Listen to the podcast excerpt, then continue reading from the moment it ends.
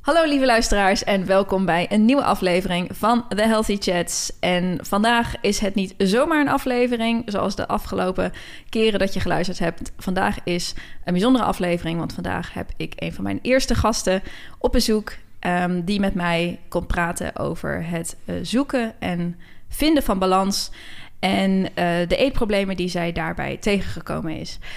En vandaag op bezoek heb ik Lea van Rooyen. Lea die eh, heeft altijd op topniveau gevolleybald... totdat zij in een eetstoornis terecht kwam. En daar komt zij over vertellen. En misschien als je zelf ook een sporter bent, dan, dan weet je dit. Of misschien doe je, doe je zelf ook wel aan topsport. Als je veel aan sport doet, dan voel je je ook echt een topsporter. Dan voel je je een gedreven sporter. Het is een onderdeel van je imago en het beeld van jezelf. Dat is gewoon wie je bent en, en hoe je je voelt. Maar een eetstoornis kan daar natuurlijk een behoorlijke streep door maken. En bij Lea was dat ook het geval. En in deze podcast zal ze ons vertellen hoe dat bij haar gegaan is. Hoe die eetstoornis haar topsport in de weg kwam te staan. En ook hoe het haar sindsdien gelukt is om wel weer een betere balans te vinden. Nou, ik heb al even kort geïntroduceerd, maar Lea zit uh, op dit moment ook tegenover mij en kan dat vast nog veel beter. Lea, welkom op de podcast en uh, hartstikke leuk dat je er bent. Yes, dankjewel. De tweede keer podcast voor jou, hè? Ja, klopt. Tweede keer, inderdaad. Ja, jij hebt eerder podcast opgenomen. Dan moet je me nog heel even herinneren, want ik vergeet die naam altijd van de podcast. Ja, ik heb uh, in samenwerking met Jaap en Weet Wat Je Doet een podcast opgenomen. Eerlijk gezegd weet ik niet precies hoe die heet. Weet ik dus ook niet meer. Volgens mij gaat het over uh, het is... eet, eetstoornissen in de topsport of zo heet die. Ja, en als je onder Jaap de podcast zoekt, dan vind je hem eigenlijk al wel heel snel. Ja.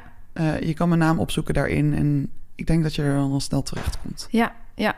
Nou, mocht je dat uh, interessant vinden om te luisteren, dan is dat zeker een aanrader. Want via die podcast ben ik eigenlijk ook erop gekomen om Lea uit te nodigen.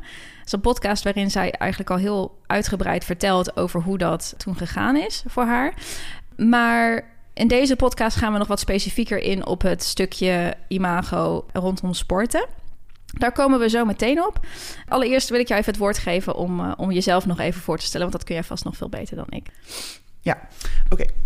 Um, nou ja, ik ben Lea. Ik uh, um, ben vrolijk en enthousiast persoon. Ik hou heel erg van uitdagingen. Uh, ben iemand van 100 ideeën. Zoveel ideeën dat ik ze ook niet allemaal kan uitvoeren. Wat soms vermoeiend is. Maar het is wel, uh, ik weet niet, het houdt me wel lekker bezig. En ik hou heel erg bezig zijn van innovatief zijn. En eigenlijk net buiten de boxen denken. Dat geeft me echt heel veel energie. Af en toe ben ik een tikkeltje chaotisch. Dat hoort ook bij mij. Dat uh, is ook iets wat, uh, wat mij echt wel maakt. En ja, ik, ben, ik hou ontzettend veel van mensen om me heen. Leuke dingen doen, avonturen aangaan. Uh, nieuwe dingen proberen, ook al is dat soms spannend. En ja, dat integreer ik eigenlijk nu in mijn hele leven. Dus dat is een beetje algemeen wie ik ben. Ja, ik vind het leuk dat je, dat je start met gewoon echt een stukje van jouw persoonlijkheid. Want vaak als je mensen vraagt van wie ben jij, dan beginnen ze met ik ben Lea, ik ben 28, ik woon in Houten, ja, enzovoort klopt. enzovoort. Maar ik vind het wel leuk dat je, dat je eigenlijk al een klein kijkje geeft in wie jij als persoon bent. En tot nu toe, ik ken jou nog niet heel goed, maar zo beleef ik jou ook. Gewoon heel open en spontaan en gezellig. En um, ik had begrepen dat jij ook nu in de sport werkt. Hè? Jij doet ook iets met sport. Ja, klopt. Ik ben uh, um, nou, sinds een tijdje, ik denk inmiddels uh, iets langer dan een jaar, ben ik overgegaan van werken binnen de GGZ. Als hulpverlener ben ik uh, overgestapt naar de rol als coach. In de zin van personal trainer, maar ook echt wel gewoon gezondheidscoach. En dan voornamelijk ingaand op de balans tussen mentale gezondheid en fysieke gezondheid. Omdat ook gewoon naar, naar nou ja, naar mijn eigen traject en met mijn eigen ervaringen weet ik gewoon hoe belangrijk dat is. En gun ik eigenlijk iedereen ook om die balans te kunnen vinden. En ja, dat doe ik nu een tijdje en ik word er echt wel heel erg blij van. En ik, ik merk gewoon dat een luisterend oor voor iemand kunnen bieden en hier en daar wat inzichten mee kunnen geven, dat dat al zoveel brengt. En uh, ja, ja. Het is heel mooi om te kunnen doen. Ja, ja dat, dat vind ik ook. Dat is natuurlijk ook een beetje mijn werk. Hè? Ja, zeker. En um, ik denk dat jij nog weer kunt bieden ook dat jij echt begrijpt waar iemand doorheen gaat. Hè? Want jij hebt zelf natuurlijk in die situatie gezeten. En dat is dan voor mij wat, wat anders, zeg maar. Ik kijk het misschien meer vanuit de, de professioneel opgeleide kant, zeg maar.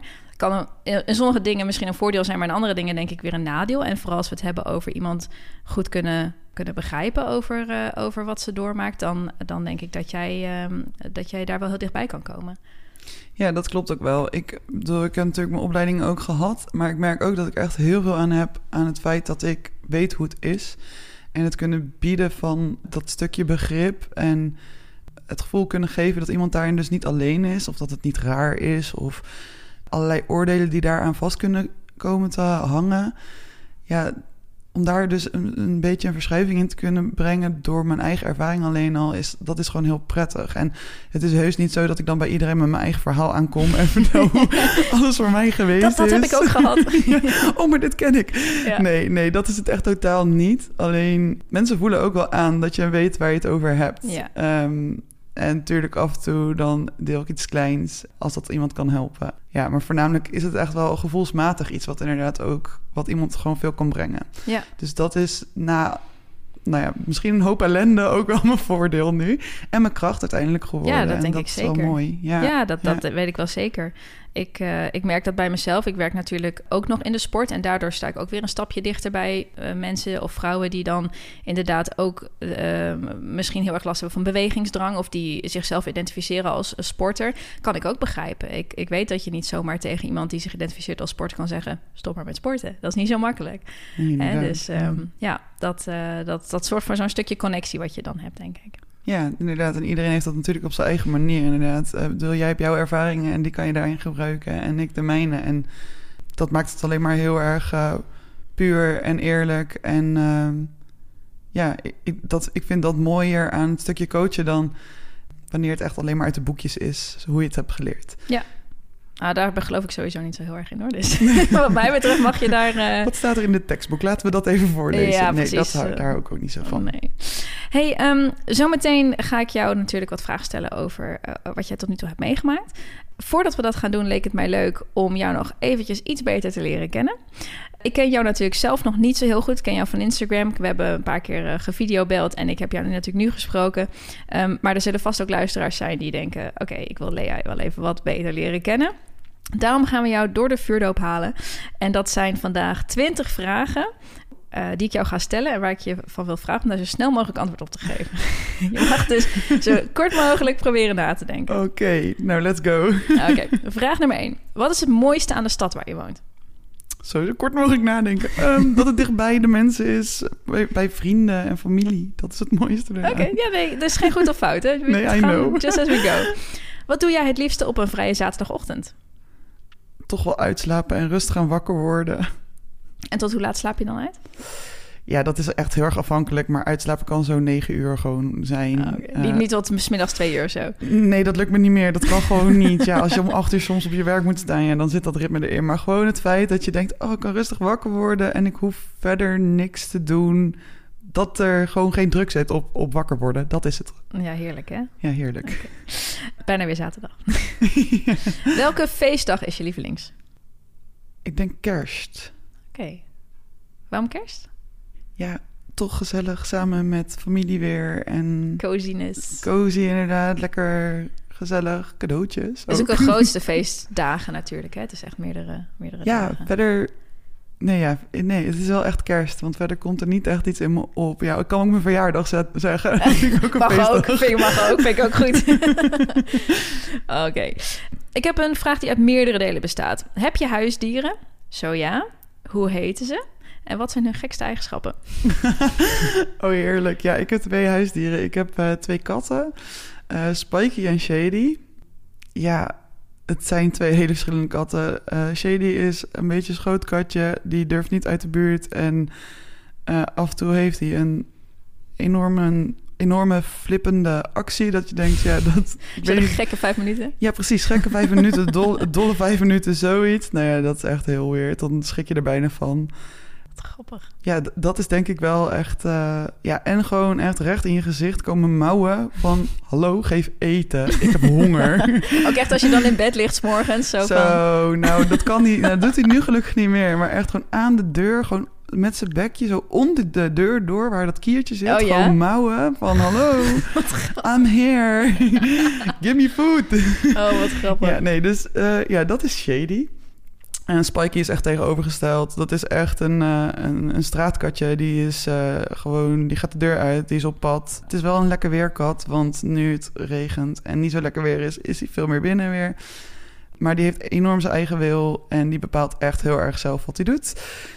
Ehm, ja, die, die komt en gaat. En eh, als die binnen is, dan wil hij wel heel graag kroelen. Maar pak hem vooral niet op, want daar heeft hij helemaal geen zin in. En ja, Wat dit is gewoon echt een kat, denk ik. Gewoon Ja, hoe je, typische- Ja, inderdaad. Wat grappig. Ja. Ik vind dat zo leuk om te horen van andere mensen die ook van die... Mag ik zeggen dat je een kattenmens bent? Ik ben, Jawel, ik ben wel een kattenmens. kattenmens. Ja, ik vind het de- helemaal geweldig. Als je dan van andere kattenmensen hoort wat hun huisdieren doen. Wij hebben natuurlijk Lily. Nou, die is ook echt zo'n geval apart. En daar herken ik dan ook weer dingen in die jij vertelt over Oh ja. Shady en Spikey. Fantastisch. Heel leuk. Oké, volgende vraag. Hoeveel paar sportschoenen heb jij? Dun, dun, dun. Vallen eh, Nike, sneakers, dat soort dingen ook onder sportschoenen? Ja, dat tellen we mee. Oh, heel veel dan. ik weet het echt niet. Gokje? 20 paar? Oeh, dat is veel. Dat is heel veel, maar waar, wel... laat, waar laat je die dan? Ja, in een kast en, en sommige ook in de gang en sommige ook in de woonkamer. Oh. Nee, ja, het, is- het is wel echt opgespaard in jaren. Dus het is niet... eh, ja, nee. Dat, Je ja. gaat ook goed om mee, mee zeg maar. Ja, over het algemeen wel, ja. Ja. En ik wissel ze af, waardoor het dan ook niet zo heel snel eh, ja, Afgetrapt wordt. afgetrapt dus, is, ja. inderdaad. Ja, dat scheelt. Ja. Ik ben ook echt zo'n sneaker eh, persoon. En op een gegeven moment had ik zoveel Nike, Nike's dat, dat het gewoon echt niet meer kon. Ik droeg maar één paar en ik had Ja. er zes of zo, Ja. weet je. Dat ik dacht, nee, dat kan niet. Dus toen heb ik ze weggedaan. En nu heb ik echt maar één paar sportschoenen voor binnen, één paar sportschoenen voor buiten. En voor nog een andere, als ik ga trailrennen, zeg maar. Maar verder, dan zijn dat echt drie, mijn drie sportschoenen. Ja, daar heb ik hard naartoe gewerkt. Ja, inderdaad. Ja, maar echt, echt sport, sportschoenen in de zin van dat ik ze ook echt gebruik voor het sporten. Dat zijn, denk ik, ja, het zijn er wel meer. Dat zijn al vijf paar. Want ik Nou. heb ook nog schoenen van mijn volleybaltijd eigenlijk nog. Ja. Die ik nog helemaal niet had gebruikt. Dus ja, Oh, weet je, ja, dat, dat zonde. kan ook. Ja. Ja, ja. Maar prima, die, Nou, die liggen best lekker oké. Ja. dat is best oké. Wat is jouw favoriete serie? Friends. Friends. Oh, dat is een classic one. Ja, weet je wel. nou, mooi toch? Wat is je favoriete seizoen? Ja, toch al zomer. Ja, ik eh, merk wel dat echt de zon en eh, gewoon gaan en staan waar je wil... zonder dat het weer een probleem is, toch wel echt heel relaxed is. Ja. Maar ja, ik heb ook altijd wel wat te klagen hoor als het er warm is. Dus wees maar niet bang. Ehm, waar ben jij als laatste naartoe op vakantie geweest? Ja, Bristol. Ik ben in ieder geval, ja, dat vind ik ook een vakantie, mini-vakantietje. Een weekend eh, weg geweest. En daarvoor ook Ibiza deze maand. Dus ik ben Ja. heel asociaal veel eh weg geweest. Nee, lekker toch? Geniet Yes. ervan. Ja. Waar zou je graag nog eens naartoe willen op vakantie? Eh, ik zou toch nog wel een keer naar Amerika willen. En een vriendin van mij is nu in Bali. En dan denk ik ook wel, oh, dat is ook echt wel heel vet. Dus misschien dat ik daar ook nog wel een keer heen wil. Dat is ook wel bijzonder, ja. Ja, ik weet niet. Ik zou ook nog wel op reis willen naar, weet ik veel, Canada of Australië of whatever. Ja, er zijn heel veel mogelijke dingen waar ik nog naartoe zou willen. Maar of ik het ga doen, weet ik nog niet. Oké, maar Amerika is echt zo'n bucketlist ding nog wel een beetje. Ja, ik ben er wel een keer geweest. Ehm, heel veel gezien in, eh, wat was het, drieënhalve week. Maar ja, ik weet niet, ik vond de natuur daar ook weer zo gaaf. En ja, ik weet ik, ik vond, ik vond het gewoon heel mooi. Dus ja, Ja. Ik, heb ook een eh, warm plekje voor Amerika in mijn hart. ja. Ja, leuk. Oké, we komen bij de, de belangrijkste vraag. De vraag der vragen. Ketchup of mayonaise? ja, het is dan echt mayonaise. Ja, het is echt zo. ja, Oké, team mayonaise dus. ja, hey. Eh, koffie of thee? ja, koffie. Koffie. Oh nee, jij drinkt thee hier. Ja, klopt, omdat ik al koffie heb gehad. Anders Oké. ga ik stuiteren, moet ik niet doen. Oké, nee. Nou goed, op podcast kan het eventueel nog wel handig zijn. Ja, ja, nee, één kop koffie is dan wel even, even, even genoeg. limiet, oké. Ben jij een binnen- of een buitenkind? Buiten, Buitenkind, dat ben ik ook. Buitenkindjes zijn de best. ja, helemaal geweldig. Komt nog een moeilijke vraag, denk ik, voor jou. Welke sport vind jij het leukste na volleybal? En dan mag je beachvolleybal eh, niet... eh, noemen. nou, je zal mij echt niet zien beachvolleyballen, daar word ik niet gelukkig van. Oké, oké. Ehm, ja, jeetje. Ik heb dus eh, wel het een en ander nog gedaan al inmiddels.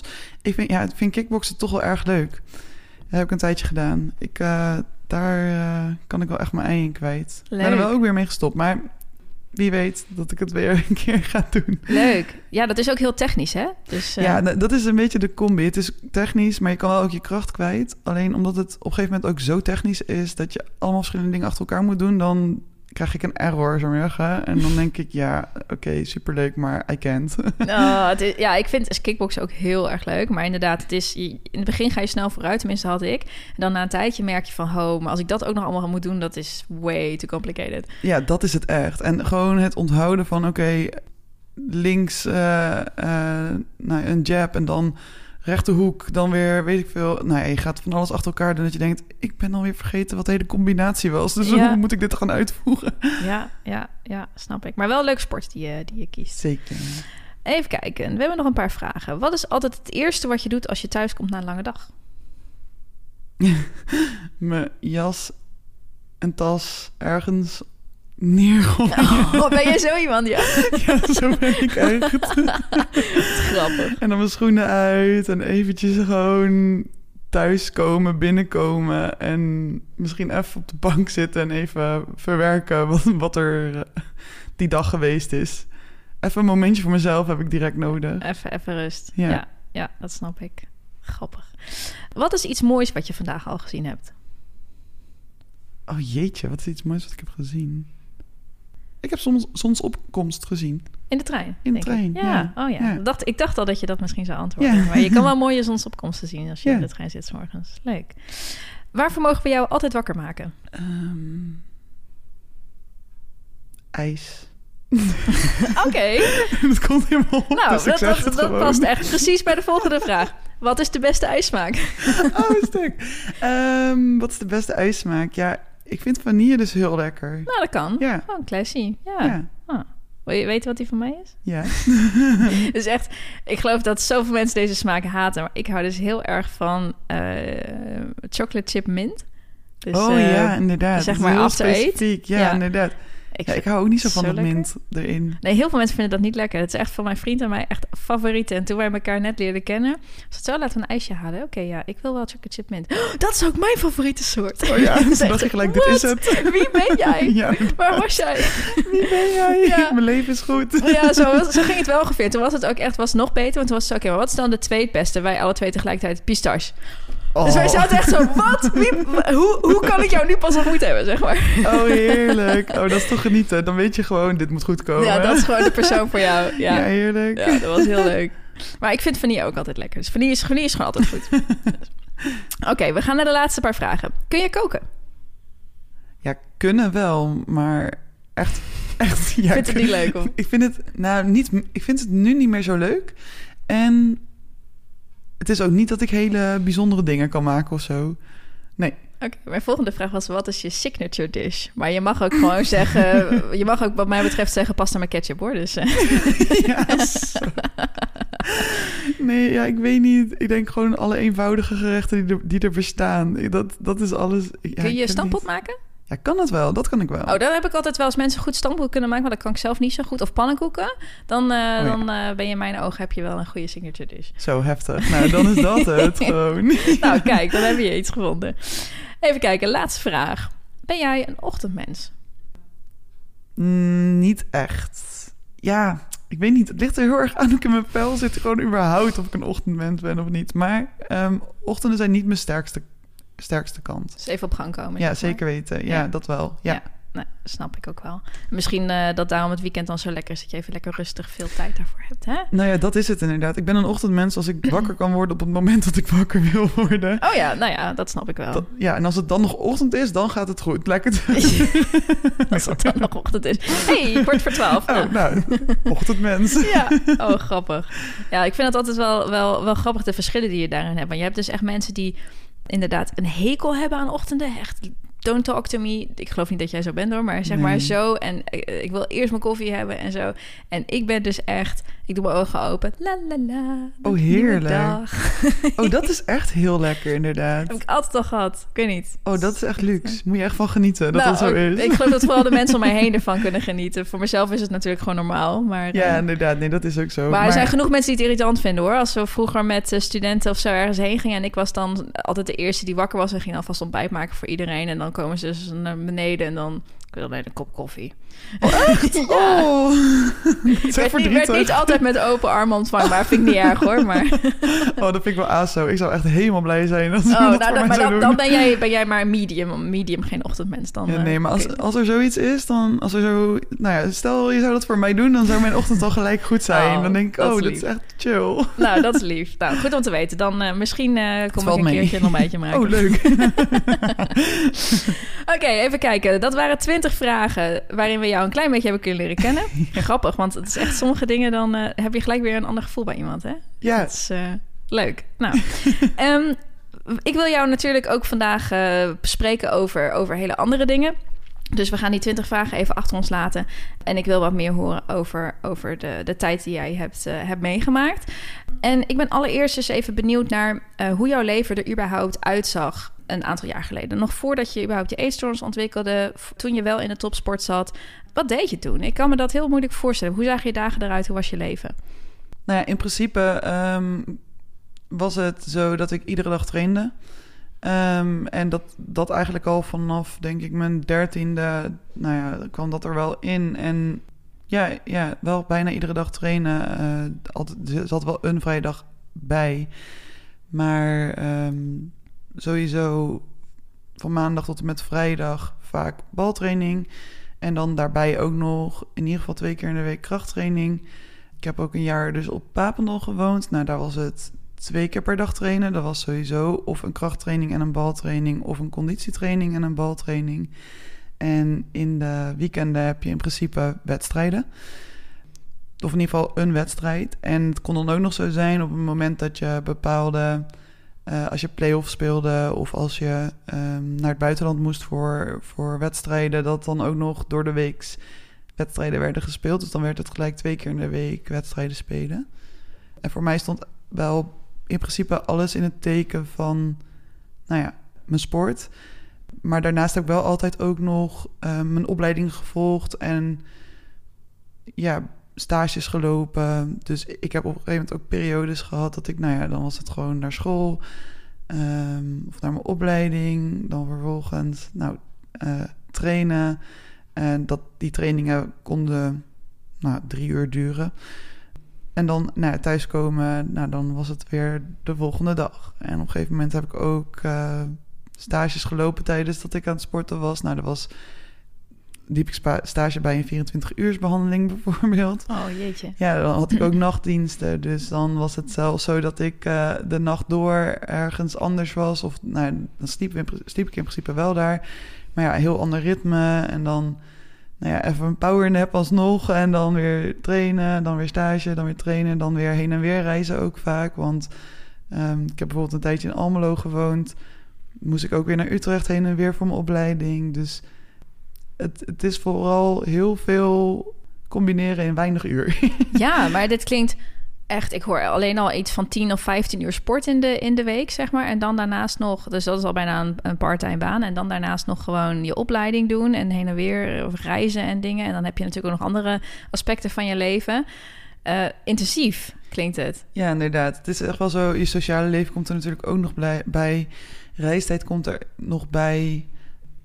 Ja, en het is ook gewoon zo, als je een wedstrijd hebt, dan ben je in principe die hele dag bezig met die wedstrijd. En ja, dan die dag ben je daar ook wel aan kwijt. Dus het is niet alleen puur het sporten op zichzelf, alleen ook ehm, wedstrijdvoorbereidingen, eh nabespreken.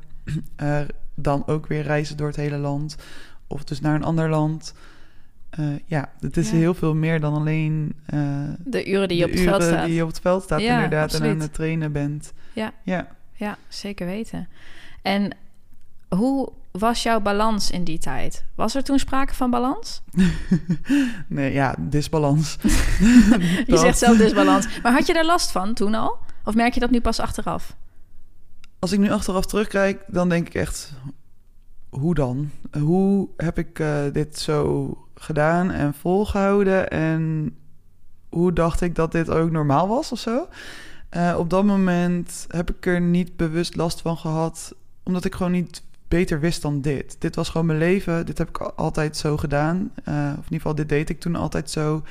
En ja, mijn overtuiging was ook gewoon dat dit moest kunnen en dat dit normaal moest zijn. En als ik, tuurlijk was ik ook vermoeid en tuurlijk had ik ook wel dat ik dacht, jeetje, moet ik weer heen en weer of overal en ergens naartoe. Maar ja, ik deed dat gewoon en het hoorde erbij. Het Ja. was onderdeel van. Dus je wist niet echt beter. Nee, eigenlijk Nee. niet. Nee. En nu in hindsight, zijn er dan dingen waaraan je zou kunnen hebben gezien dat je uit balans was? Dat je bijvoorbeeld eh, inderdaad heel erg vermoeid was, of dat je, eh, hè, dat je misschien eigenlijk dingen die je graag had willen doen, dat je daar dan geen tijd voor had?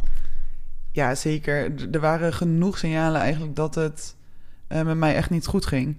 En dat is al heel lang, dat is heel lang zo geweest. Eh, het is en te zien geweest eigenlijk, of in ieder geval, ik had het kunnen weten aan het feit dat ik heel vaak ook last had van blessures. Hm.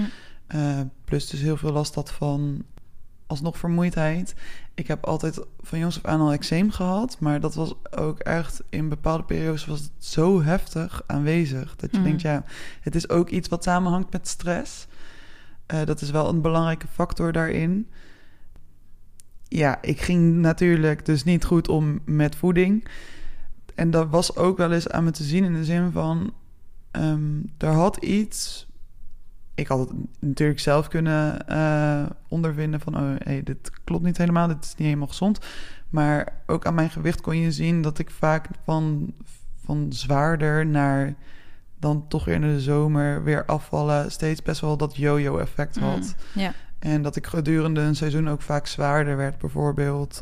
En dan daarna dus weer ging afvallen, dat, dat daar een heel patroon in zat. Alleen ja, dat, dat kan ik nu allemaal zeggen en zien. En ik weet hoe dat is gegaan. Alleen ik denk op het moment dat je daarin zit en ook mensen om je heen hebt die gewoon met jou meelopen in die riedel, dat dat helemaal niet opvalt ook. Dat dat zo is, omdat het gewoon normaal is. Ja, Plus, ik kon best wel explosief zijn eh, in gedrag oké. eh, in emotie.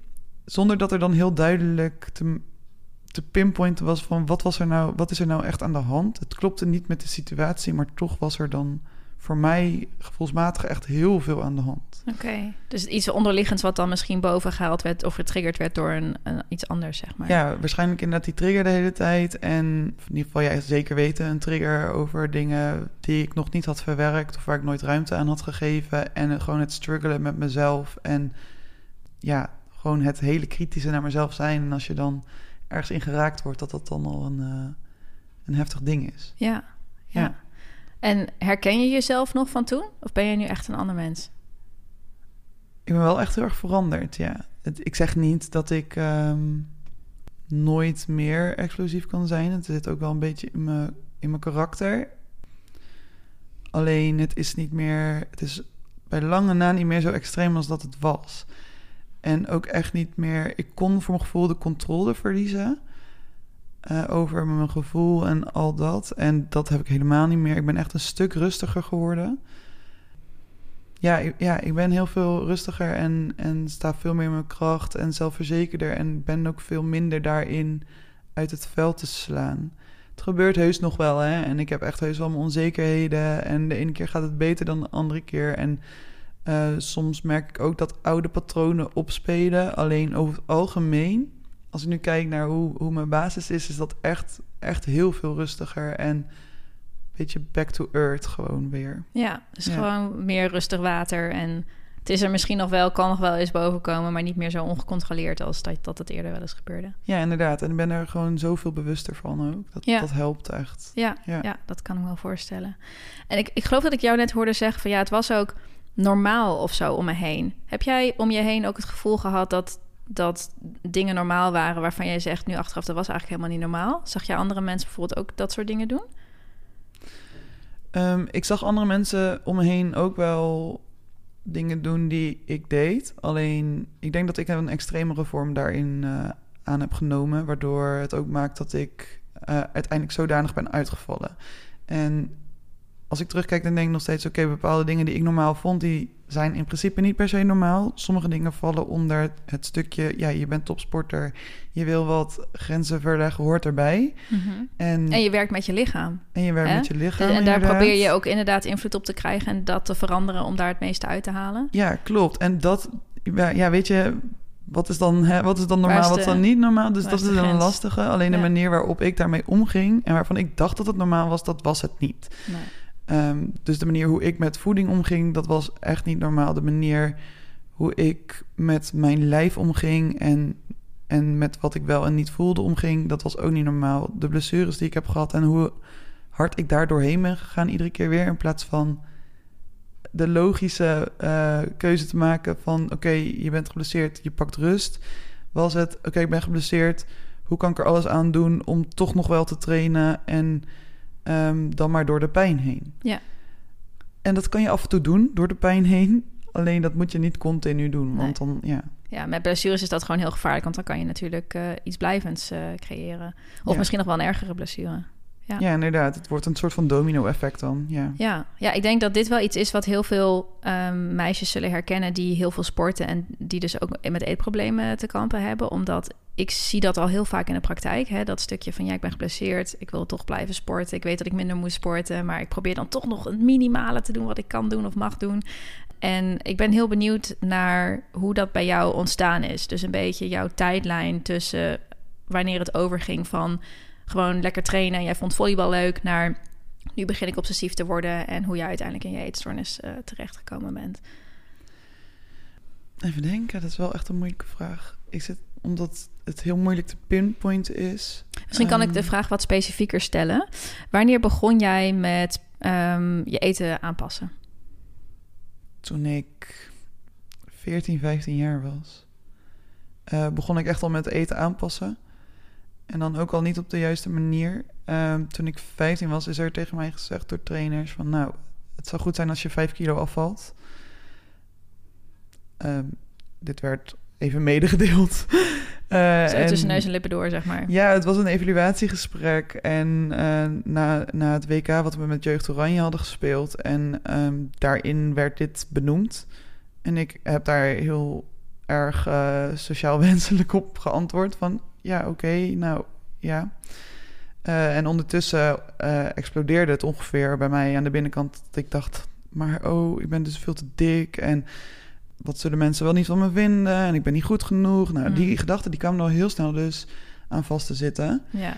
En vanaf daar ben ik het zelf gaan proberen. En op het begin ging dat ook wel. Dus ja, dan ga je toch minder eten. Want ja, je hebt geen idee wat je, wat je moet doen in ieder geval. Ik had geen idee. ja, 14, 15 is zo Ja, jong. Dan, Wat, wat doe je dan inderdaad? Ja, Ja. Nou ja de enige, het enige wat je hebt geleerd is van ja, oké, als je te veel eet, dan word je dik. Als je te weinig eet, dan word je dunner. Nou ja, prima. Dat was inderdaad wat het was. Dus dat, daar ging ik mee aan de slag. En vanuit daar ben ik eigenlijk al direct in een patroon gekomen waarbij ik dus eigenlijk mezelf te weinig voeding gaf. En waardoor ik eh, vervolgens dan dus verviel in eetbuien. Hm. En die, dit patroon is echt heel snel ontstaan. Eh, en dat heeft echt alle raarste vormen aangenomen op een gegeven moment.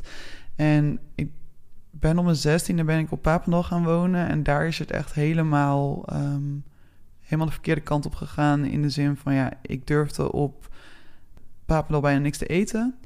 En ik at daar dus ook vrij weinig. En ik zorgde ervoor dat ik dat compenseerde. En nou ja, je traint twee keer op een dag. Ja, dat gaat natuurlijk niet heel lekker. Dus je raakt geblesseerd en alles. En als ik dan in het weekend thuis was, waar ik me dan veiliger voelde, ja, dan ging, sloegen de stoppen door. Dan was het gewoon alles wat ik maar kon vinden. Ik had zo'n honger. Ja. Ja, dan ging ik dat eten. En het gevolg daarvan is dat je aankomt. Eh, in ieder geval, voor mij is dat gevolg geweest dat ik aankwam. En je, je blijft dan in, in die, die, die cirkel rondlopen van... oké, nou ja, het is weer verkeerd gegaan, dus ik moet het weer beter. Dus dan weer maandag en dan ga je daar weer mee starten. En nou ja, daar ging dat dus eigenlijk al heel erg fout. En ook met compenseren ging het daar gewoon fout. En ik ben daar gewoon een jaar... Ja, ik heb gewoon een, jaar daarin gezeten toen al. En eh, na dat jaar ben ik weer thuis gaan wonen. En toen is het wel meer genormaliseerd. Meer meedoen met wat er mensen om je heen doen en al dat. Maar ja, mijn, mijn gewicht bleef, bleef voor, voor mij wel echt te hoog. Eh, in ieder geval in mijn ogen en ook wel in de ogen van trainers en men, mensen om me heen. Maar die wisten vlak. toen dat jij al daarmee kampte of nog niet? Nee, het is op een gegeven moment wel geweest. ehm, eh, er is, mijn ouders hebben wel gezegd dat ik niet meer op de weegschaal wilde staan. Eh, daar zo, of dat dat niet goed was voor mij. En daar hebben ze me bij geholpen. En ik ben bij een diëtiste terechtgekomen. Eh zij heeft mij ook proberen te helpen om dan mijn voeding op te pakken. Maar ik geloofde helemaal niks meer van wat iemand zei tegen mij wat goed was. Ja, Want ik dacht, ik moest bijvoorbeeld... Ik moest veel meer gaan eten eigenlijk. Maar ik dacht, ja toch, dat ga ik niet doen. Want daar geloof ik niet in. Want dan kom ik nog meer aan. Hm. En het is, mensen hebben niet doorgehad dat ik dat dan dus niet deed. Eh, er is ook niet duidelijk geweest dat ik op deze manier dus met voeding omging. Dus ja, er was ook vrij weinig te helpen toen. ja. Ehm, ja, en vanaf daar ben ik eigenlijk wel steeds weer op een andere manier doorgegaan in het vreemd doen met eten in ieder Hmm. geval. En jouw teamgenoten of zo, die hebben ook nooit iets gemerkt. Nee. Nee, eigenlijk niet. Want op het moment dat er duidelijk werd dat ik een eetstoornis eh, had... en dat, daar, nou ja, dat het echt een probleem werd in de zin van dat ik niet meer kon functioneren... waren er heel veel mensen echt verbaasd. En eh, ik kreeg heel vaak de reactie, huh, maar jij en... Maar hoe dan ook? Ja. Dus dat... Nee, mensen Omdat je naar buiten toe helemaal niet zo leek, zeg maar. Nee, nou ja, mensen die hadden dus niet van me verwacht dat dat zo zou zijn. Of dat ik daar heel erg mee, mee struggelde. Of dat dat een ding was waar ik problemen mee had. Ja. Eh, of dat ik daar dingen van vond. Of dat ik daar enorm mee bezig was. Nee, dat was, dat was totaal niet aan de orde dat mensen dat blijkbaar dachten. Ja. Ja, Maar heb je dat bewust ook geprobeerd zo te houden? Of lag dat eraan dat iedereen gewoon met zichzelf bezig was? En eh, ik bedoel, je zit natuurlijk op Papendal wel echt hutje-mutje op elkaar. Maar aan de andere kant is iedereen denk ik ook echt met zo'n tunnelvisie bezig met zijn sport. ja, nee, weet je, we waren allemaal... Als het echt gaat om Papendal, waren we super jong allemaal. En iedereen is inderdaad met zichzelf bezig. En ik weet niet... Nee, ja, ik denk niet dat het... Ik heb het sowieso niet laten zien. Ik heb er nooit iets over, iets over gezegd. Ja, er zijn heus wel dingen in geweest dat ik dat moeilijk vond qua gewicht en, en al dat. Maar mensen hebben het daar ook echt niet door gehad. En dat komt ook echt omdat ik dat gewoon niet deelde. Dat, dat ik daar niet iets over zei op die manier. Of dat ik dat... Ik schaamde me denk ik er gewoon eerder voor. Hm.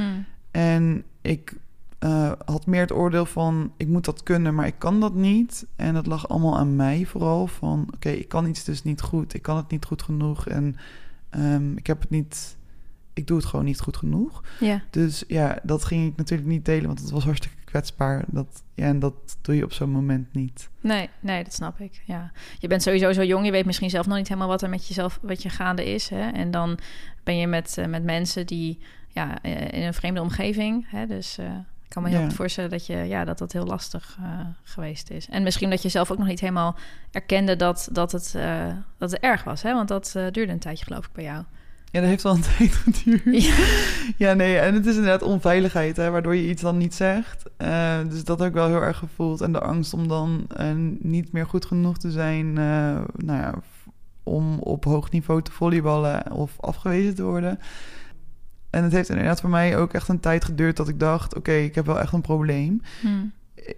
Ik weet wel, de periode rondom Papendal en daarna dacht ik wel, oké, dit is niet goed. En dit moet echt even anders. En dat ben ik ook wel soort van gaan doen. Maar ja, vervolgens ben ik gewoon doorgegaan. En onbewust heb ik er eigenlijk nog steeds heel veel last van gehad. Ja. Maar het was voor mij op een gegeven moment ook gewoon normaal. En ik had, ja, ik had dat gewoon niet zo door. Ik had niet door hoe ongezond het was wat ik deed. Hm, ja, maar op een gegeven moment kwam daar wel een omslag in, geloof ik. Hè? Dat je dacht van, oké, dit, dit kan zo echt niet verder. Wat was dat punt waarin je merkte... oké, nu moet ik echt ook hulp gaan, gaan zoeken. Nu moet ik echt eh, aan iemand aanvertrouwen, zeg maar. Ja, op een gegeven moment. ehm, ik was op een gegeven moment weer in een vakantie eh, kilo's kwijtgeraakt. En eh, daar was ik op dat moment heel erg content mee en blij mee. Toen kwam ik terug om weer te starten met, met het seizoen, met de voorbereidingen en zo. En het, het punt was een beetje dat ik niet alleen al was afgevallen omdat ik, dat, omdat ik daar zelf heel erg mee bezig was, maar ook omdat ik... Ik was in Thailand geweest. Ik was echt ontzettend ziek geweest. Echt eh 2,5 week lang. Nou ja, mijn darmen waren helemaal overhoop. En ik... Ja, daardoor ben ik toen heel veel afgevallen. En ik startte met het seizoen. En ik was eigenlijk helemaal niet fit. Ik voelde me helemaal niet goed. En eh, het eerste wat ik van, eh, van mijn trainer hoorde... was dat ik eh, er nog nooit zo fit uit had gezien. Wow, oké. Terwijl ik me heel ellendig voelde. Ja, jeetje. Waarvan ik dacht van ja, maar ik moet zo blijven. En ja, maar ja, ondertussen begon het volleyballen wel weer. Dus ja, je moet dan wel weer voldoende gaan eten. Dus de, de struggle begon gelijk alweer met, met die... Ik kreeg een ontzettende, ontzettend gevecht al gelijk weer in mijn hoofd daarover. En eh, voor ik het wist, eh, was het weer overdag te weinig eten. Vervallen in eetbuien, nou ja, al dat. En omdat ik die eetbuien toen weer kreeg, dacht ik, ja, ik wil dit niet meer. Ik word hier zo gek van. Ik word Hmm. hier... eh, en het is niet goed voor me. En ik voel me er gewoon heel naar bij. En daarvoor had ik in eerste instantie hulp gezocht. Mhm. Toen werd ik via de huisarts aangemeld bij een, bij een behandeling. En kreeg ik eh, een telefoontje met dat ik eh, daar kon starten al snel. En dat ik dan twee keer in de week daarheen moest. eh, voor dagbehandeling. En ik dacht, ja, maar huh? dit, is, dit klopt niet. Dit, dit, zo erg is het ook weer niet. En ik heb er helemaal geen tijd voor. Ik, Mm. want, want ik werkte eh 24 uur. Daarnaast moest ik... Je nou ja, sportte toen ook nog? Of was Daarnaast je, moest, ja. ik, moest ik Ja. inderdaad volleyballen van overal en nergens heen. Ik, ja, ik dacht, er is geen tijd voor, kan niet. Dus dat heb ik afgeslagen en ik ben doorgegaan. En vervolgens ging de knop om van, nou ja, van de eetbuien weer naar helemaal, helemaal niet tot slash vrij weinig eten. Mhm. En ja, dat ging heel hard. Want ja, ik, ik trainde wel, maar ik at niet. En ja, mijn lijf ging heel snel achteruit. Waar, waaraan merk je dat? Want ik, ik haak even in hoor. Maar waaraan merkte je dat je lichaam gewoon achteruit ging? Want ik, ik merk aan mezelf, als ik gesport heb, dan heb ik honger. Bij mij werkt dat natuurlijk normaal, want ik luister daarnaar. Maar als je daar zo lang naar, niet naar geluisterd hebt en uitgesteld hebt en weinig hebt gegeten, hoe merk je dan dat je lichaam achteruit gaat? Nou, ik merkte het gewoon doordat ik minder kracht kreeg. En mijn hoofd werd nog meer een puinhoop. Ik werd somber. Alles was moeilijk. Ik kreeg veel paniek. Ja, op een gegeven moment hield ik mijn trainingen gewoon niet meer vol. Dat ging gewoon niet meer. En ja, da- daar merk je gewoon dat het allemaal niet goed gaat. En ik heb daar, zeggen, voordat dat allemaal gebeurde, toen ik met die eetbuien zat, heb ik al iets hierover verteld eh, tegen een fysiotherapeut bij ons. En vervolgens wel ook verteld dat nou de andere kant opgeslagen was. En nou ja, vanaf daar is wel op een gegeven moment hulp ingezet. En, maar het heeft allemaal best wel lang geduurd voordat ik daar echt kwam. Dat ik dat en echt wilde. En inzag dat dat nodig was. Ehm, nou ja, mijn ouders hebben op een gegeven moment een keer op de stoep gestaan. eh, omdat mijn vriend hun had geweld. En zei van ja, dit gaat echt niet goed. En zij eh, zeiden ook van ja, jij, als je zo doorgaat, dan heb je nog anorexia zometeen. Mhm.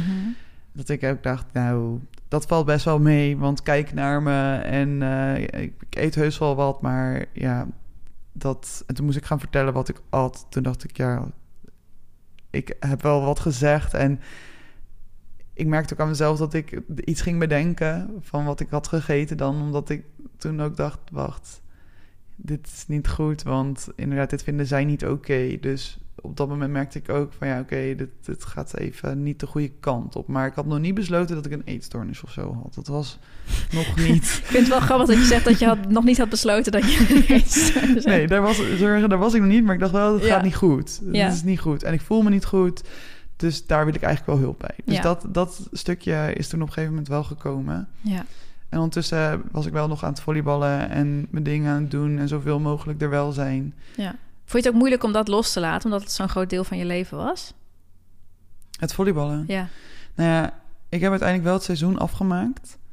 Ehm, want ik kon echt niet direct stoppen. Dat in ieder geval, ja, tuurlijk kan dat. Maar nee, dat was echt niet haalbaar voor mijn welzijn. Ook gewoon mijn mentale welzijn. Dat was anders veel te hard gegaan. Mhm. En op het begin was volleybal mijn drijfveer om wel weer gezonder te worden en wel weer te gaan Mm. eten. Ja. Eh, want ik wilde wel het seizoen afmaken. Ik wilde wel ehm, nog kunnen presteren. Ik wilde wel nog in de basis kunnen staan.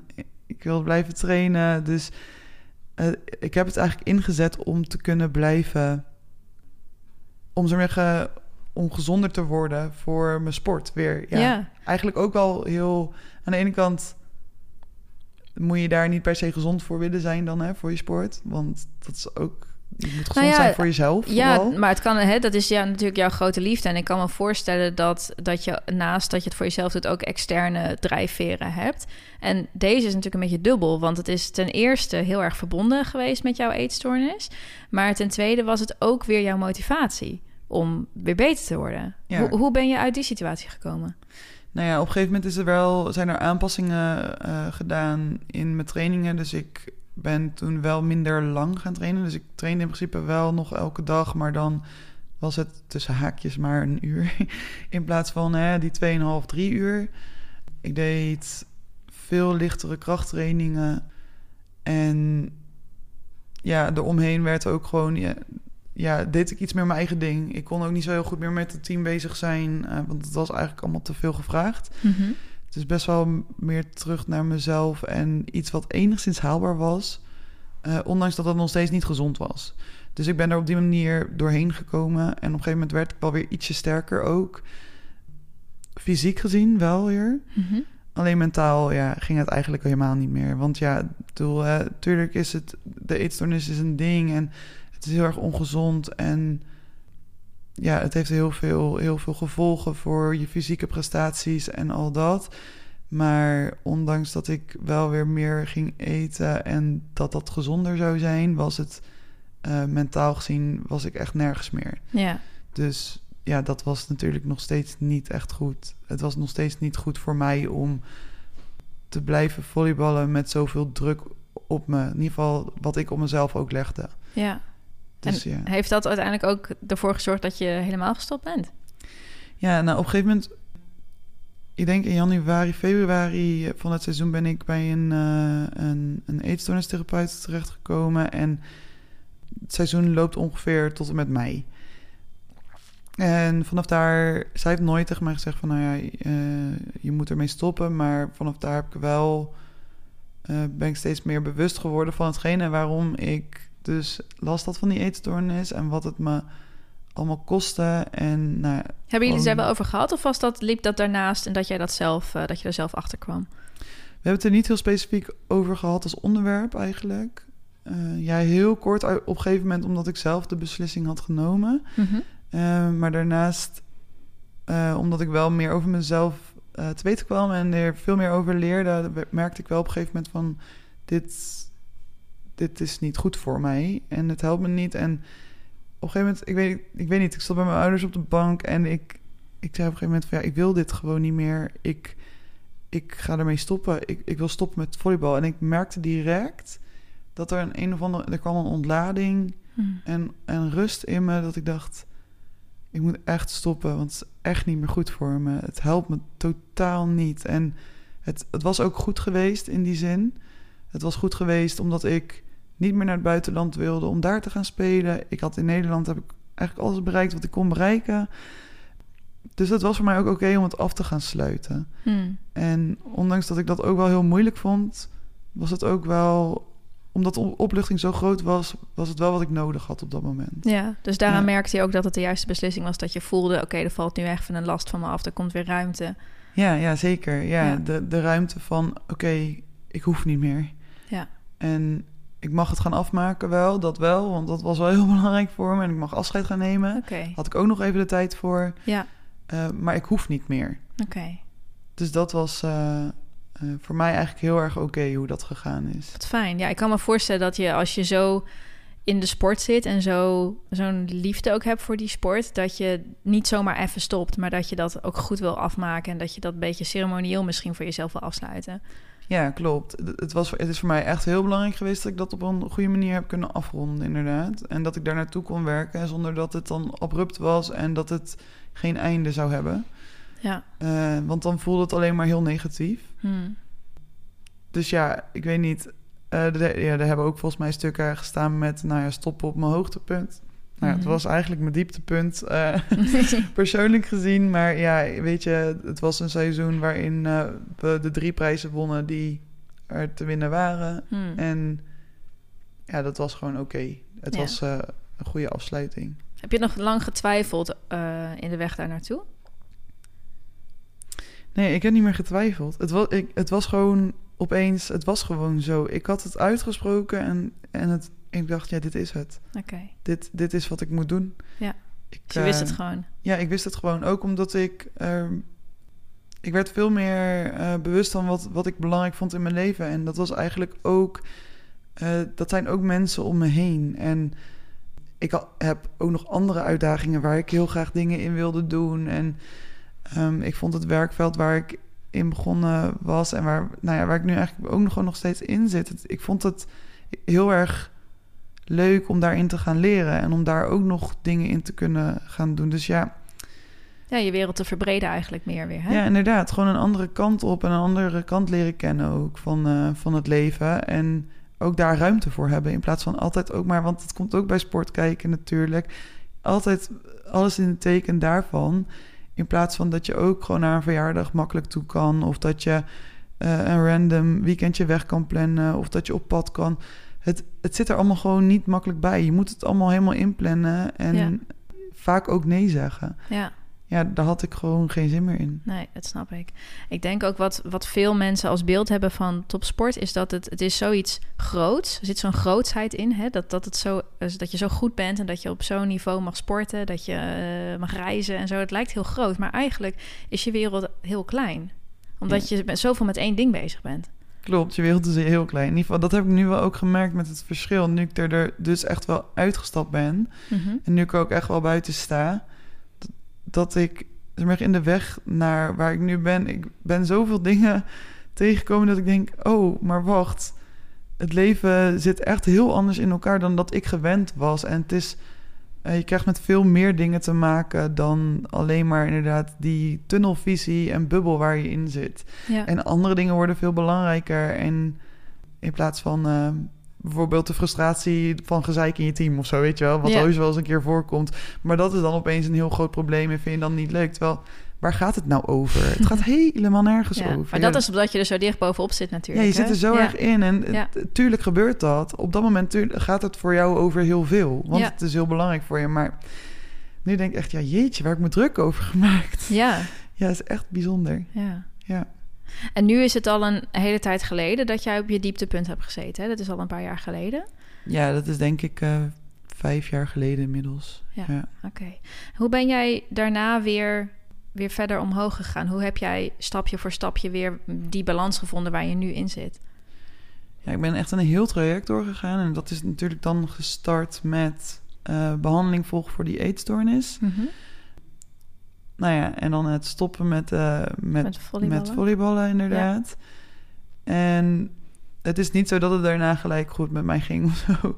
Het was eh, een goede keus. Ik ben er nog steeds oké mee. En ik denk dat ik dit nodig had. Alleen daarna viel ik wel in een gat in de zin van...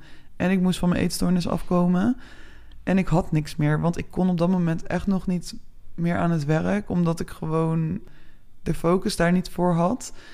En nou ja, ik had mijn dagelijkse dingen ook niet meer. Eh, mijn dagbesteding, om Ja. het zo even te noemen, was weg. Ja. Eh, dus ik heb ook een half jaar lang in Utrecht een beetje rondgelopen en ging ik yoga doen en dan ging ik naar mijn therapie en dan nou ja, rondlopen, bewegingsdrang, hè? dus Ja. wel dus in beweging blijven. Ja.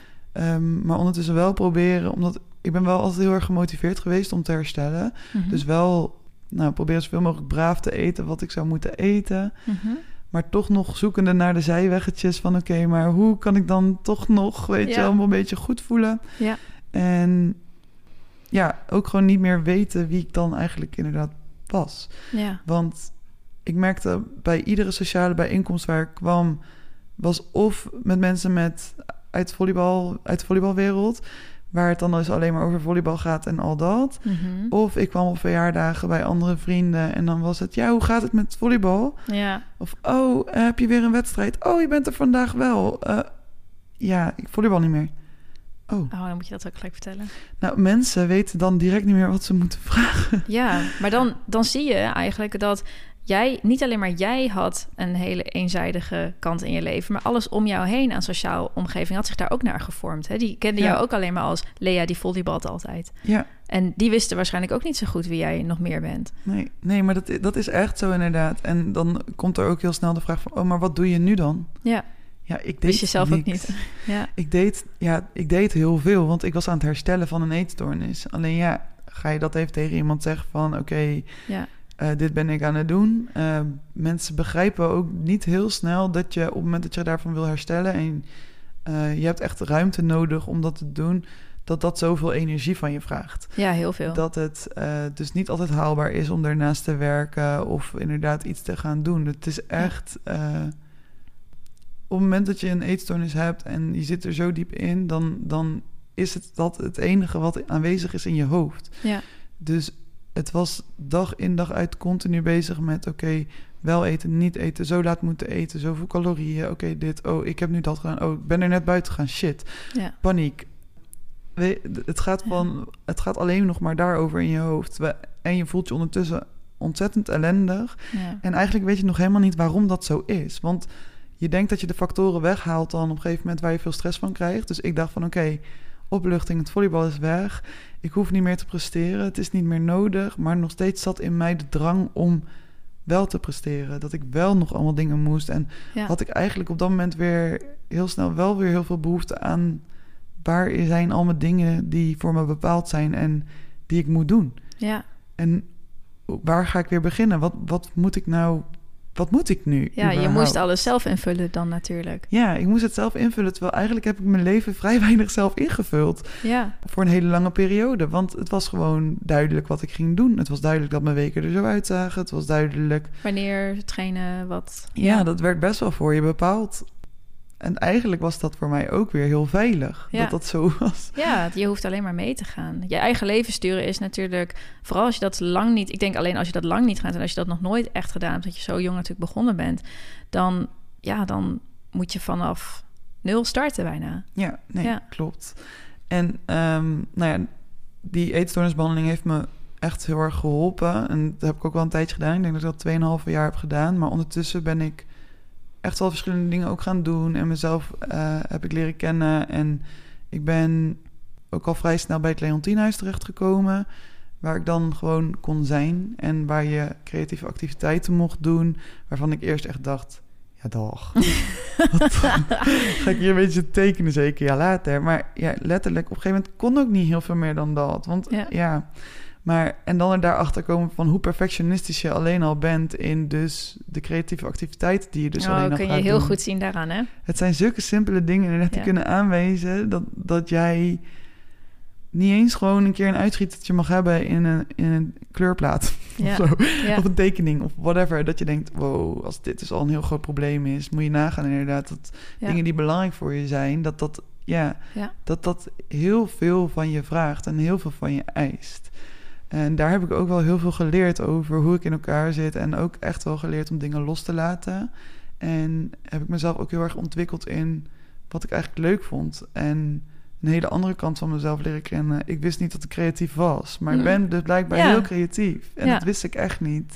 Ik dacht altijd, ja, Ja, dat heb je eh, uitgevonden door het te proberen, door te experimenteren eigenlijk. Ja, want ik ben echt... Ik ben gestart met een beetje tekenen. Vervolgens, ik ben... Ik heb zelfs een periode veel gehaakt. en Vind ik wel leuk. even no joke. Ik had, het ging zo ver dat ik daar een blessure aan overhield. Serieus. Perfectionistisch haken. Maar moet je nagaan inderdaad hoe heftig dat dan... Oh. eh, Oh, hoe heftig dat dan in je zit van... Oké, je Ja. gaat iets doen en je gaat daarvoor. En dat moet dan... Dan ga je iets maken en dan wordt het meer, beter, groter Moet presteren. je moet weer presteren. Dus het is echt heel bizar hoe je dat dan kan zien, wat er dan gebeurt. Nou ja, van het haken ben ik afgestapt. en ik ben verder gegaan in fotografie toen. En ehm, een beetje illustreren, tekeningetjes maken. En dan, ja, eh, geboortekaartjes maken. Hmm. Dat soort dingen vind ik heel erg leuk om te doen. En dat weet ik nu. En eh, had ik eerder nooit, nooit geweten. En het is zelfs zo, ik kan nu dingen maken en dan is het ook wel, het kan ergens ook gewoon oké zijn. En het is mijn ding en het is niet per se wat een ander zou moeten eh, willen of wat een ander per se mooi zou vinden. Nee, het is gewoon, ik heb voor mezelf een steltje gecreëerd wat ik leuk vind om te maken. Mhm. En dat doe ik dan nu zo nu en dan. En ja, dat is wel erg leuk. En ja, ik merk gewoon dat ik het nodig heb om dingen te creëren. En ja, dat ik dat heel lekker vind. En dat ik dan mijn hoofd gewoon een beetje op verstand nul kan zetten, zullen we maar zeggen. Ja. En eh, dat is wel gewoon fijn om erbij te hebben. Dat je weet van oké, het sporten ging op dat moment echt niet meer. Ben ik ook echt even mee gestopt. Maar nu had ik een andere uitlaatklep. En tuurlijk schoot ik daar ook echt in door dus. Mhm. Maar ja, het was er wel. En er was wel een opening voor andere dingen. En dat er weer een beetje een andere eh, flow kwam. Ja. En wat me ook heel erg heeft geholpen bij het is dat ik daar gewoon mijn ritme van eten kon volgen. Mhm. En dat het ook gewoon duidelijk was dat ik moest eten wat, ik, wat afgesproken was. Mhm. En eh, ehm, ja, dat was, dat was wel heel pittig, maar het mocht er wel gewoon allemaal zijn. En ook daar pas merkte ik van hoe heftig het dus uiteindelijk was om eh, voor mij om dus drie boterhammen te eten tussen de middag. Hm. Want als ik dat zelf deed, dan je maakt toch nog je eigen maniertjes ervan. Maar op het moment dat iets vaststaat, dat je het op die manier zou moeten eten, Mhm. ja, dan is dat toch echt een ding. Dan wordt het heel moeilijk. En dan, dan komt er pas uit hoeveel spanning je dus alleen al ervaart rondom eten. Ja.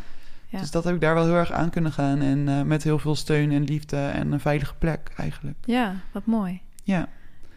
En vanaf daar, ja, ik heb, ik heb verschillende behandelingen ook gevolgd. Hè, want weet je, die, onder de, die eetstoornis zat bij mij heel veel. Ehm, ik heb een eh, ik heb schematherapie gedaan in een groep. Nou, dat was niet iets voor mij. Dat kan één iemand, de ene wel helpen, de ander minder. Mij minder, want ik was erg sociaal wenselijk. en ik wist het allemaal wel en al dat. Dus dat heeft mij niet eh, per se geholpen.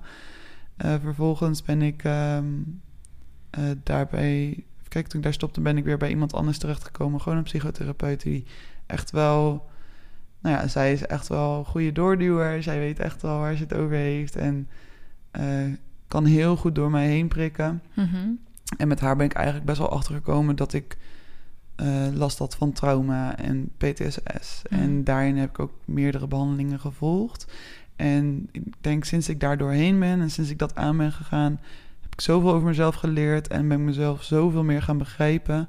Los van, van die eetstoornis. En die eetstoornis die was eigenlijk voor een groot deel al aangepakt voordat ik begon met die traumaverwerking. Mhm. Maar het, het bleef altijd heel erg strijden. Hm. En sinds... Ja, omdat de kern is de, de, wat misschien mede daartoe geleid heeft dat je überhaupt eh, aanleg had om een eetstoornis te ontwikkelen, die was er natuurlijk nog. Ja, precies. Die was er nog. Dus Ja. dat veranderde nooit echt of zo. En ehm, dat is nu wel echt anders geworden. En ik moet wel zeggen dat er het vlamt echt nog op. En af en toe zijn er echt wel momenten dat ik eh, wel echt nog last heb van bepaalde gedachten. En Mhm. Ehm, dat het dan niet zo lekker gaat. Maar over het algemeen denk ik wel echt dat, dat de kern nu zodanig rustig is geworden. Waardoor ik ook gewoon weer makkelijker terug in balans kom als ik even uit balans raak. Ja, Eh, en meer kan herkennen van oké, ehm, nu zit, zit bijvoorbeeld eetgedachten alleen nog vast aan momenten dat ik in het hier en nu spanning ervaar. ja. En soms linkt dat even aan vroeger, dat kan ook nog. Mhm. Want het is heus niet allemaal eh, gelijk eh één groot feest en eh, weet ik veel, glitterpoepende eenhoorns of zo. Oh. Maar ehm, ja, het, het is wel, het is behapbaarder gewoon. En ik denk wel dat dat maakt dat de eetstoornis onder controle blijft. En hopelijk steeds hè, meer naar de achtergrond grond kan ver- verdwijnen. En wellicht zodanig eh, kan uitdoven dat, dat het er eigenlijk bijna niet meer is. Ja. Ja, zo lang is het natuurlijk nu ook nog weer niet geleden. Het is natuurlijk nog wel op één, één hand te tellen, geloof ik. Ja, Ja. Nee, dat klopt. Zeker. Hè, dus dat is dan ook weer niet zo heel erg lang. En het eerste deel van herstel gaat vaak relatief snel. Terwijl dat laatste stuk, dat kan inderdaad jaren duren. Dat je echt helemaal geen gedachten meer eh, daarover hebt. En sommige dingen zul je misschien ook voor altijd houden. Als ik even uit de ervaring spreek van, van mensen die ik begeleid heb. Ze zeggen wel eens, je komt er nooit helemaal vanaf. En wat betekent dat? Dat betekent vaak dat je Ehm, je hebt natuurlijk dingen geleerd en die kun je niet meer, die vergeet je nooit meer dat je dat ooit hebt geleerd. Zeg maar bijvoorbeeld, misschien heb je zelf aangeleerd om altijd voordat je uit eten gaat op de kaart van het restaurant te kijken of zo. Of Oh ja. vast eventjes te checken, oh, wat, wat ga ik kiezen? Hè? Dus dat soort dingetjes kunnen eigenlijk voor altijd blijven, maar tegelijkertijd, ze beïnvloeden je leven niet meer zo sterk dat je daar e- echt de nadelige effecten van hebt. Ehm, Ja, dus dat, daar zul je waarschijnlijk op een gegeven moment naartoe gaan. Ja, en ik moet zeggen, ik heb minder van die maniertjes en, en dingetjes die er nog in zitten. Ik heb meer van, oké, op het moment dat ik merk van, oké, er komt er is blijkbaar van alles aan de hand of zo. Of ik heb aan bepaalde dingen niet genoeg ruimte gegeven. Dan merk ik dat, dat er dus dat de focus meer naar, naar mijn lijf en naar, naar toch bepaalde gedachten gaat. En Hm.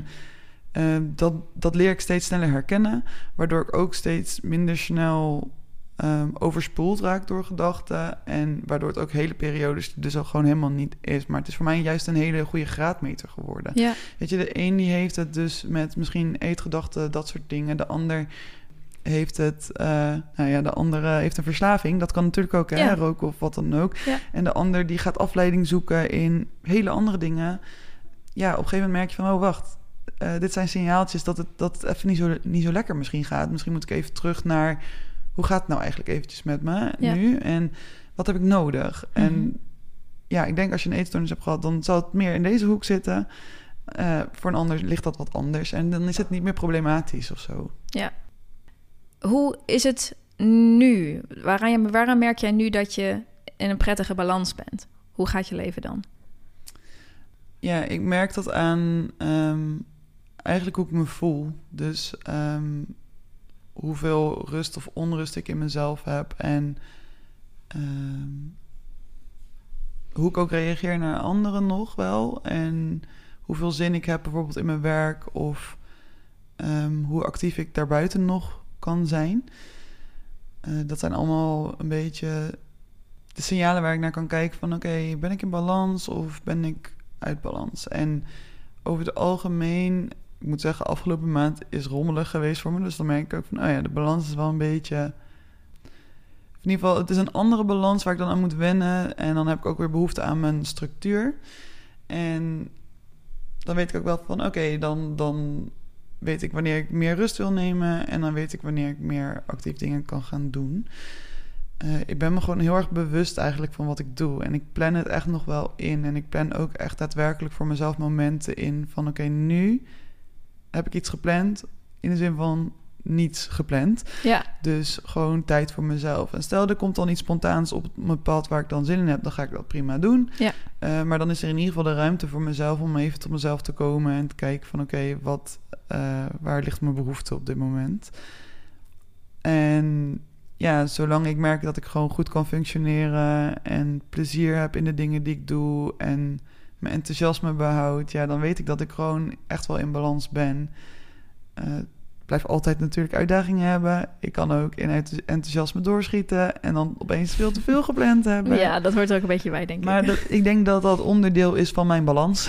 Ja, maar dat is onderdeel van heel veel mensen's balans. Want ehm, balans is niet een eindstaat. Balans hou je door heen en weer te schoppelen natuurlijk. Ja, klopt. Hè, Dus dat hoort erbij. En af en toe dan komen er zoveel leuke dingen op je pad... die je dan wilt doen. En dan nou, gaat het net even wat te veel de andere kant op. Ja, en dan ben je wat vermoeider en dan is dat ook oké. En ik denk dat dat het ook is, dat het ook mag. Hè? Dat je Ja. af en toe merkt van, oh, ik heb nu echt heel veel dingen gedaan. Eh, ik ben wel moe en eh, ik merk dat ik eh, misschien iets meer, iets prikkelbaarder word. Of dat ik minder kan hebben. Nou ja, prima, geen probleem. Dan ga je gewoon daarna weer op zoek naar, oké, wat heb ik nu nodig? En dat is wel echt de key, denk ik. Dat je er gewoon bewust van bent en mee bezig bent. Ja. En dat het allemaal wel oké is. In zolang je maar niet inderdaad echt te ver doorschiet. Ja. Ja, ik hou het in de gaten. Ja. Ja, ja, mooi. Eén ding wat, wat er voor mij nog heel erg uitsprong ehm, aan je verhaal toen je vertelde hoe je dan weer bij, bij deze balans gekomen bent, is dat je eigenlijk vertelde dat je verwacht had dat het, eh, of misschien hè, die- het idee had van nou, ik ben gestopt met mijn topsport en ik ben eh, meer gaan eten. Nu heb ik de verwachting dat het beter wordt, maar dat gevoel heb je hele lange tijd nog niet gehad. Hè? Je hebt heel lang eigenlijk in een, in een, was je in een gat, zei was, moest je heel erg ontdekken eh, wie je dan wel bent, wat je dan wel kan doen en hoe het allemaal werkt met eten, hoe je daarvan loskomt met, met het herstel. Wat zou jij als tip kunnen geven aan meisjes of vrouwen die in deze fase zitten, die denken van oké, ik zit in een gat, ik weet niet wat ik met mijn leven aan moet. Wat heeft jou geholpen om daar doorheen te komen? Of wat zou jij nu in hindsight kunnen zeggen? Ik denk dat mij echt geholpen heeft dat ik het uiteindelijk, of in ieder geval ook al tijdens, ook al raak je er steeds wel weer vanaf, maar dat, dat je kan zien dat er kansen liggen. Dat, dat, er, dat je de mogelijkheid hebt en krijgt om te kunnen onderzoeken en uit te vinden wie je bent en wat je echt wilt doen met je leven. Dus bedoel, je zit echt in een shit situatie. Het is niet fijn, het is zwaar. Je weet niet of het overgaat, maar ehm, op het moment dat de negatieve mindset je, je soort van uh, overmeestert, dan weet je sowieso zeker dat het of heel veel langer gaat duren of niet helpt. Mhm. En op het moment dat je een beetje hoop kan hebben en kan kijken van oké, maar wat is nou het perspectief waar ik naartoe wil werken? Wat zijn nou echt de dingen waar mijn hart sneller van gaat kloppen? Mhm. Wat zou ik echt willen, willen bereiken en waarvoor wil ik herstellen? Dan, ehm, dan, komt er een dan komt er toch ergens, ergens in de toekomst een beetje een, een lichtje. Zo van, maar oké, maar als ik dus dit, dit doorsta, als ik dit onder controle krijg. Nou ja, onder controle. Iets onder controle krijgen is misschien niet de juiste bewoording. Maar in ieder geval, als ik hier doorheen kom, dan, eh, dan kan ik dat gaan doen. Ja, En dan, dan ligt er eigenlijk wel gewoon een, een hele wereld voor je open met opties en mogelijkheden. ja. Ehm, Dus eigenlijk hoor ik dat je zegt hoop houden. En je ook je openstellen om gewoon verschillende dingen te proberen. En, en te kijken naar wat je leuk vindt om te doen. Waar, Ja. Wat bij je past. ja, dat, dat is het denk ik wel. En ehm, jezelf dan ondertussen wel echt de tijd gunnen. Want het is echt niet een proces wat je zomaar in een jaartje doorlopen hebt. Ja, dat, dat duurt gewoon lang. Ja. En daar horen ook eh, de ups en downs bij. Het is bij mij ook echt bij lange na niet in één streep naar boven gegaan. Het was echt... Ik voelde me beter. Toen dacht ik dat ik me nog duizend keer ellendiger voelde. Hmm. En dat is denk Ja. ik het punt waarop veel mensen denken... dit klopt ook niet. Ik kan beter weer teruggaan. Want toen wist ik in elk geval eh, waar, wa- wat ik daaraan had zo ongeveer. Maar dan Klopt. moet je dus juist doorzetten... en, en echt eventjes door de, door de donkerheid lopen... Om, om aan de andere kant wel in het licht uit te komen. Ja, hoe meer je merkt eigenlijk dat er weerstand komt... en dat je... dat de omgeving waarin je je bevindt... dat dat... Ja, dat dat angstig is. Of hè, dat je er, er angstig van wordt. Of dat je je daar echt helemaal niet goed bij voelt. Dan weet je eigenlijk dat je op het goede pad zit. Ja, Dus hoe ellendiger je gaat voelen, inderdaad, in eh, de stappen die je zet. Ja, zet die stappen door. Want dan kom je echt wel bij de oorzaak en bij hetgene wat jij. Ja, wat bij jou het meeste klem zit. En dat is heel zwaar en dat is echt niet, echt niet leuk. En dan is het heel moeilijk om niet iets te hebben achter de hand voor je gevoel. Waar je op op terug terug te kan vallen. vallen, Ja. inderdaad. Alleen ja, het is wel de enige manier waarop je er doorheen kan. Want als je dat samen wil doen, hand in hand met een eetstoornis wil doen, ja, dan, dan, ga, je, dan ga je het dubbel moeten doen waarschijnlijk. ja, Eh, en dat, dat zou zonde zijn. ja.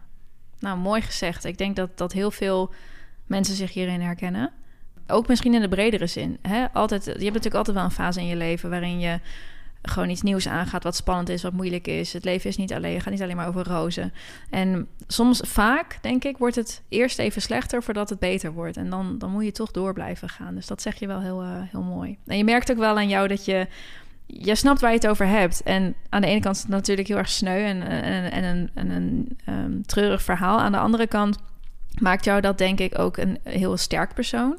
Ehm, gewoon in hoe je nu bent, wie je nu bent, maar ook in het werk wat je nu doet. Hè? Want je vertelde al eventjes aan het begin dat jij met mensen werkt die dus hetzelfde hebben. Of met meisjes, werk je met meisjes alleen of ook met mannen? Nou, in principe werk ik met jonge vrouwen, maar.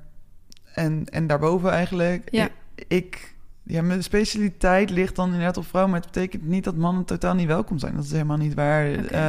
Ze komen minder snel bij me terecht. Dat is het gewoon. Ja, dat, ja, dat is eh, lastig. hè. Ja, ik heb dus eh, zelf ook me ge- gespecialiseerd in vrouwen. Betekent ook niet dat mannen niet welkom zijn als, de, als er een goede klik eh, is en als ik denk dat ik eh, kan helpen. Maar dat is echt nog weer een hele wereld apart, hè? Mannen die, eh, die een eetstoornis hebben of eetproblemen. Ja, dat denk ik wel. En, en natuurlijk zijn er waarschijnlijk heel veel dingen vergelijkbaar. Aan de andere kant, ja, ik weet niet, zijn sommige, sommige dingen ook eh, kunnen mannen dingen gewoon normaler daarin vinden of zo? Of gewoon wat analytischer en theoretischer benaderen, waardoor het moeilijk te zien is Ja, klopt. eh, of het een daadwerkelijk een eetprobleem, eetstoornis is of niet. Ja, maar. Zeker. Ja. ja, dat denk ik ook. Als mensen jou um, nou geïnteresseerd zijn om meer te, te weten te komen over wat jij voor werk doet, waar zouden ze jou dan bijvoorbeeld kunnen vinden? Ja, ik heb eh, een Instagram in ieder geval. Mijn Instagram is lea.woman.health.coach. Lekker makkelijk, om het even simpel te houden. Ja, daar kan je me op vinden en eh, daar post ik eh, verschillende berichten op. En daar kan je ook nog steeds wat meer over mij lezen, maar ook wat handige tips en tricks mee krijgen. En je kan me altijd een berichtje sturen natuurlijk, als je iets meer wil weten of een vraag hebt. Dus eh, daar sta ik altijd open voor. Ja, nou, volgens mij ben jij een heel toegankelijk persoon. Ik volg jou ook op Instagram en eh, jij, eh, jij deelt altijd hele open, toegankelijke berichten en reageert volgens mij gewoon lekker op mensen. Dus als jij dit luistert en je denkt, oké, ik, ik wil Lea graag wat beter leren kennen of het interesseert mij om, om misschien door haar gecoacht te worden, dan zou ik dat zeker doen, even contact opnemen. En Lea, ik wil jou heel erg bedanken voor, eh, voor dit prachtige, bewegende verhaal. En ook, ook alle denk ik, ervaringen die je hier weer mee kunt delen als hopelijk een rolmodel voor meisjes die hier nu nog middenin zitten en die misschien hier zich hier aan vast kunnen houden en kunnen denken van zij is hier ook doorheen gegaan. En misschien kan ik het dan ook. Dus dat stukje hoop waar je misschien naar op zoek bent en wat jij dus ook gevonden hebt, um, hopelijk um, vind je dat in deze podcast. Dan, uh, dan is mijn doel in elk geval ook behaald. Um, al is het maar voor een paar dagen dat je weer eventjes een, een lichtpuntje hebt. Lea, heel erg bedankt dat je daar aan bij hebt willen dragen. Dat je het hele eind naar Groningen wilde komen om dit te doen. Dankjewel. Nou ja, ik hoop dat je het ook leuk bedankt. vond. Ik vond het erg leuk. Ja, ik uh, vind het alleen maar mooi om dit te kunnen delen. En het is gewoon een uh, heel fijn gesprek zo. En ik hoop dat iedereen er iets aan heeft. Ja, dat hoop ik ook. Ik wil jullie bedanken voor het luisteren. En uh, als je mij uh, wilt volgen, misschien doe je dat al, maar als je dat wilt, dan kun je mij vinden op @plentifulplan, waarbij plant uh, dan geschreven is met een A, dus plantifulplan. Zo zeg ik het altijd maar even. Nogmaals heel erg bedankt voor het luisteren. Ik hoop dat je verder nog een fijne dag of avond hebt. En ik spreek jullie de volgende keer. Doei doeg! Doeg!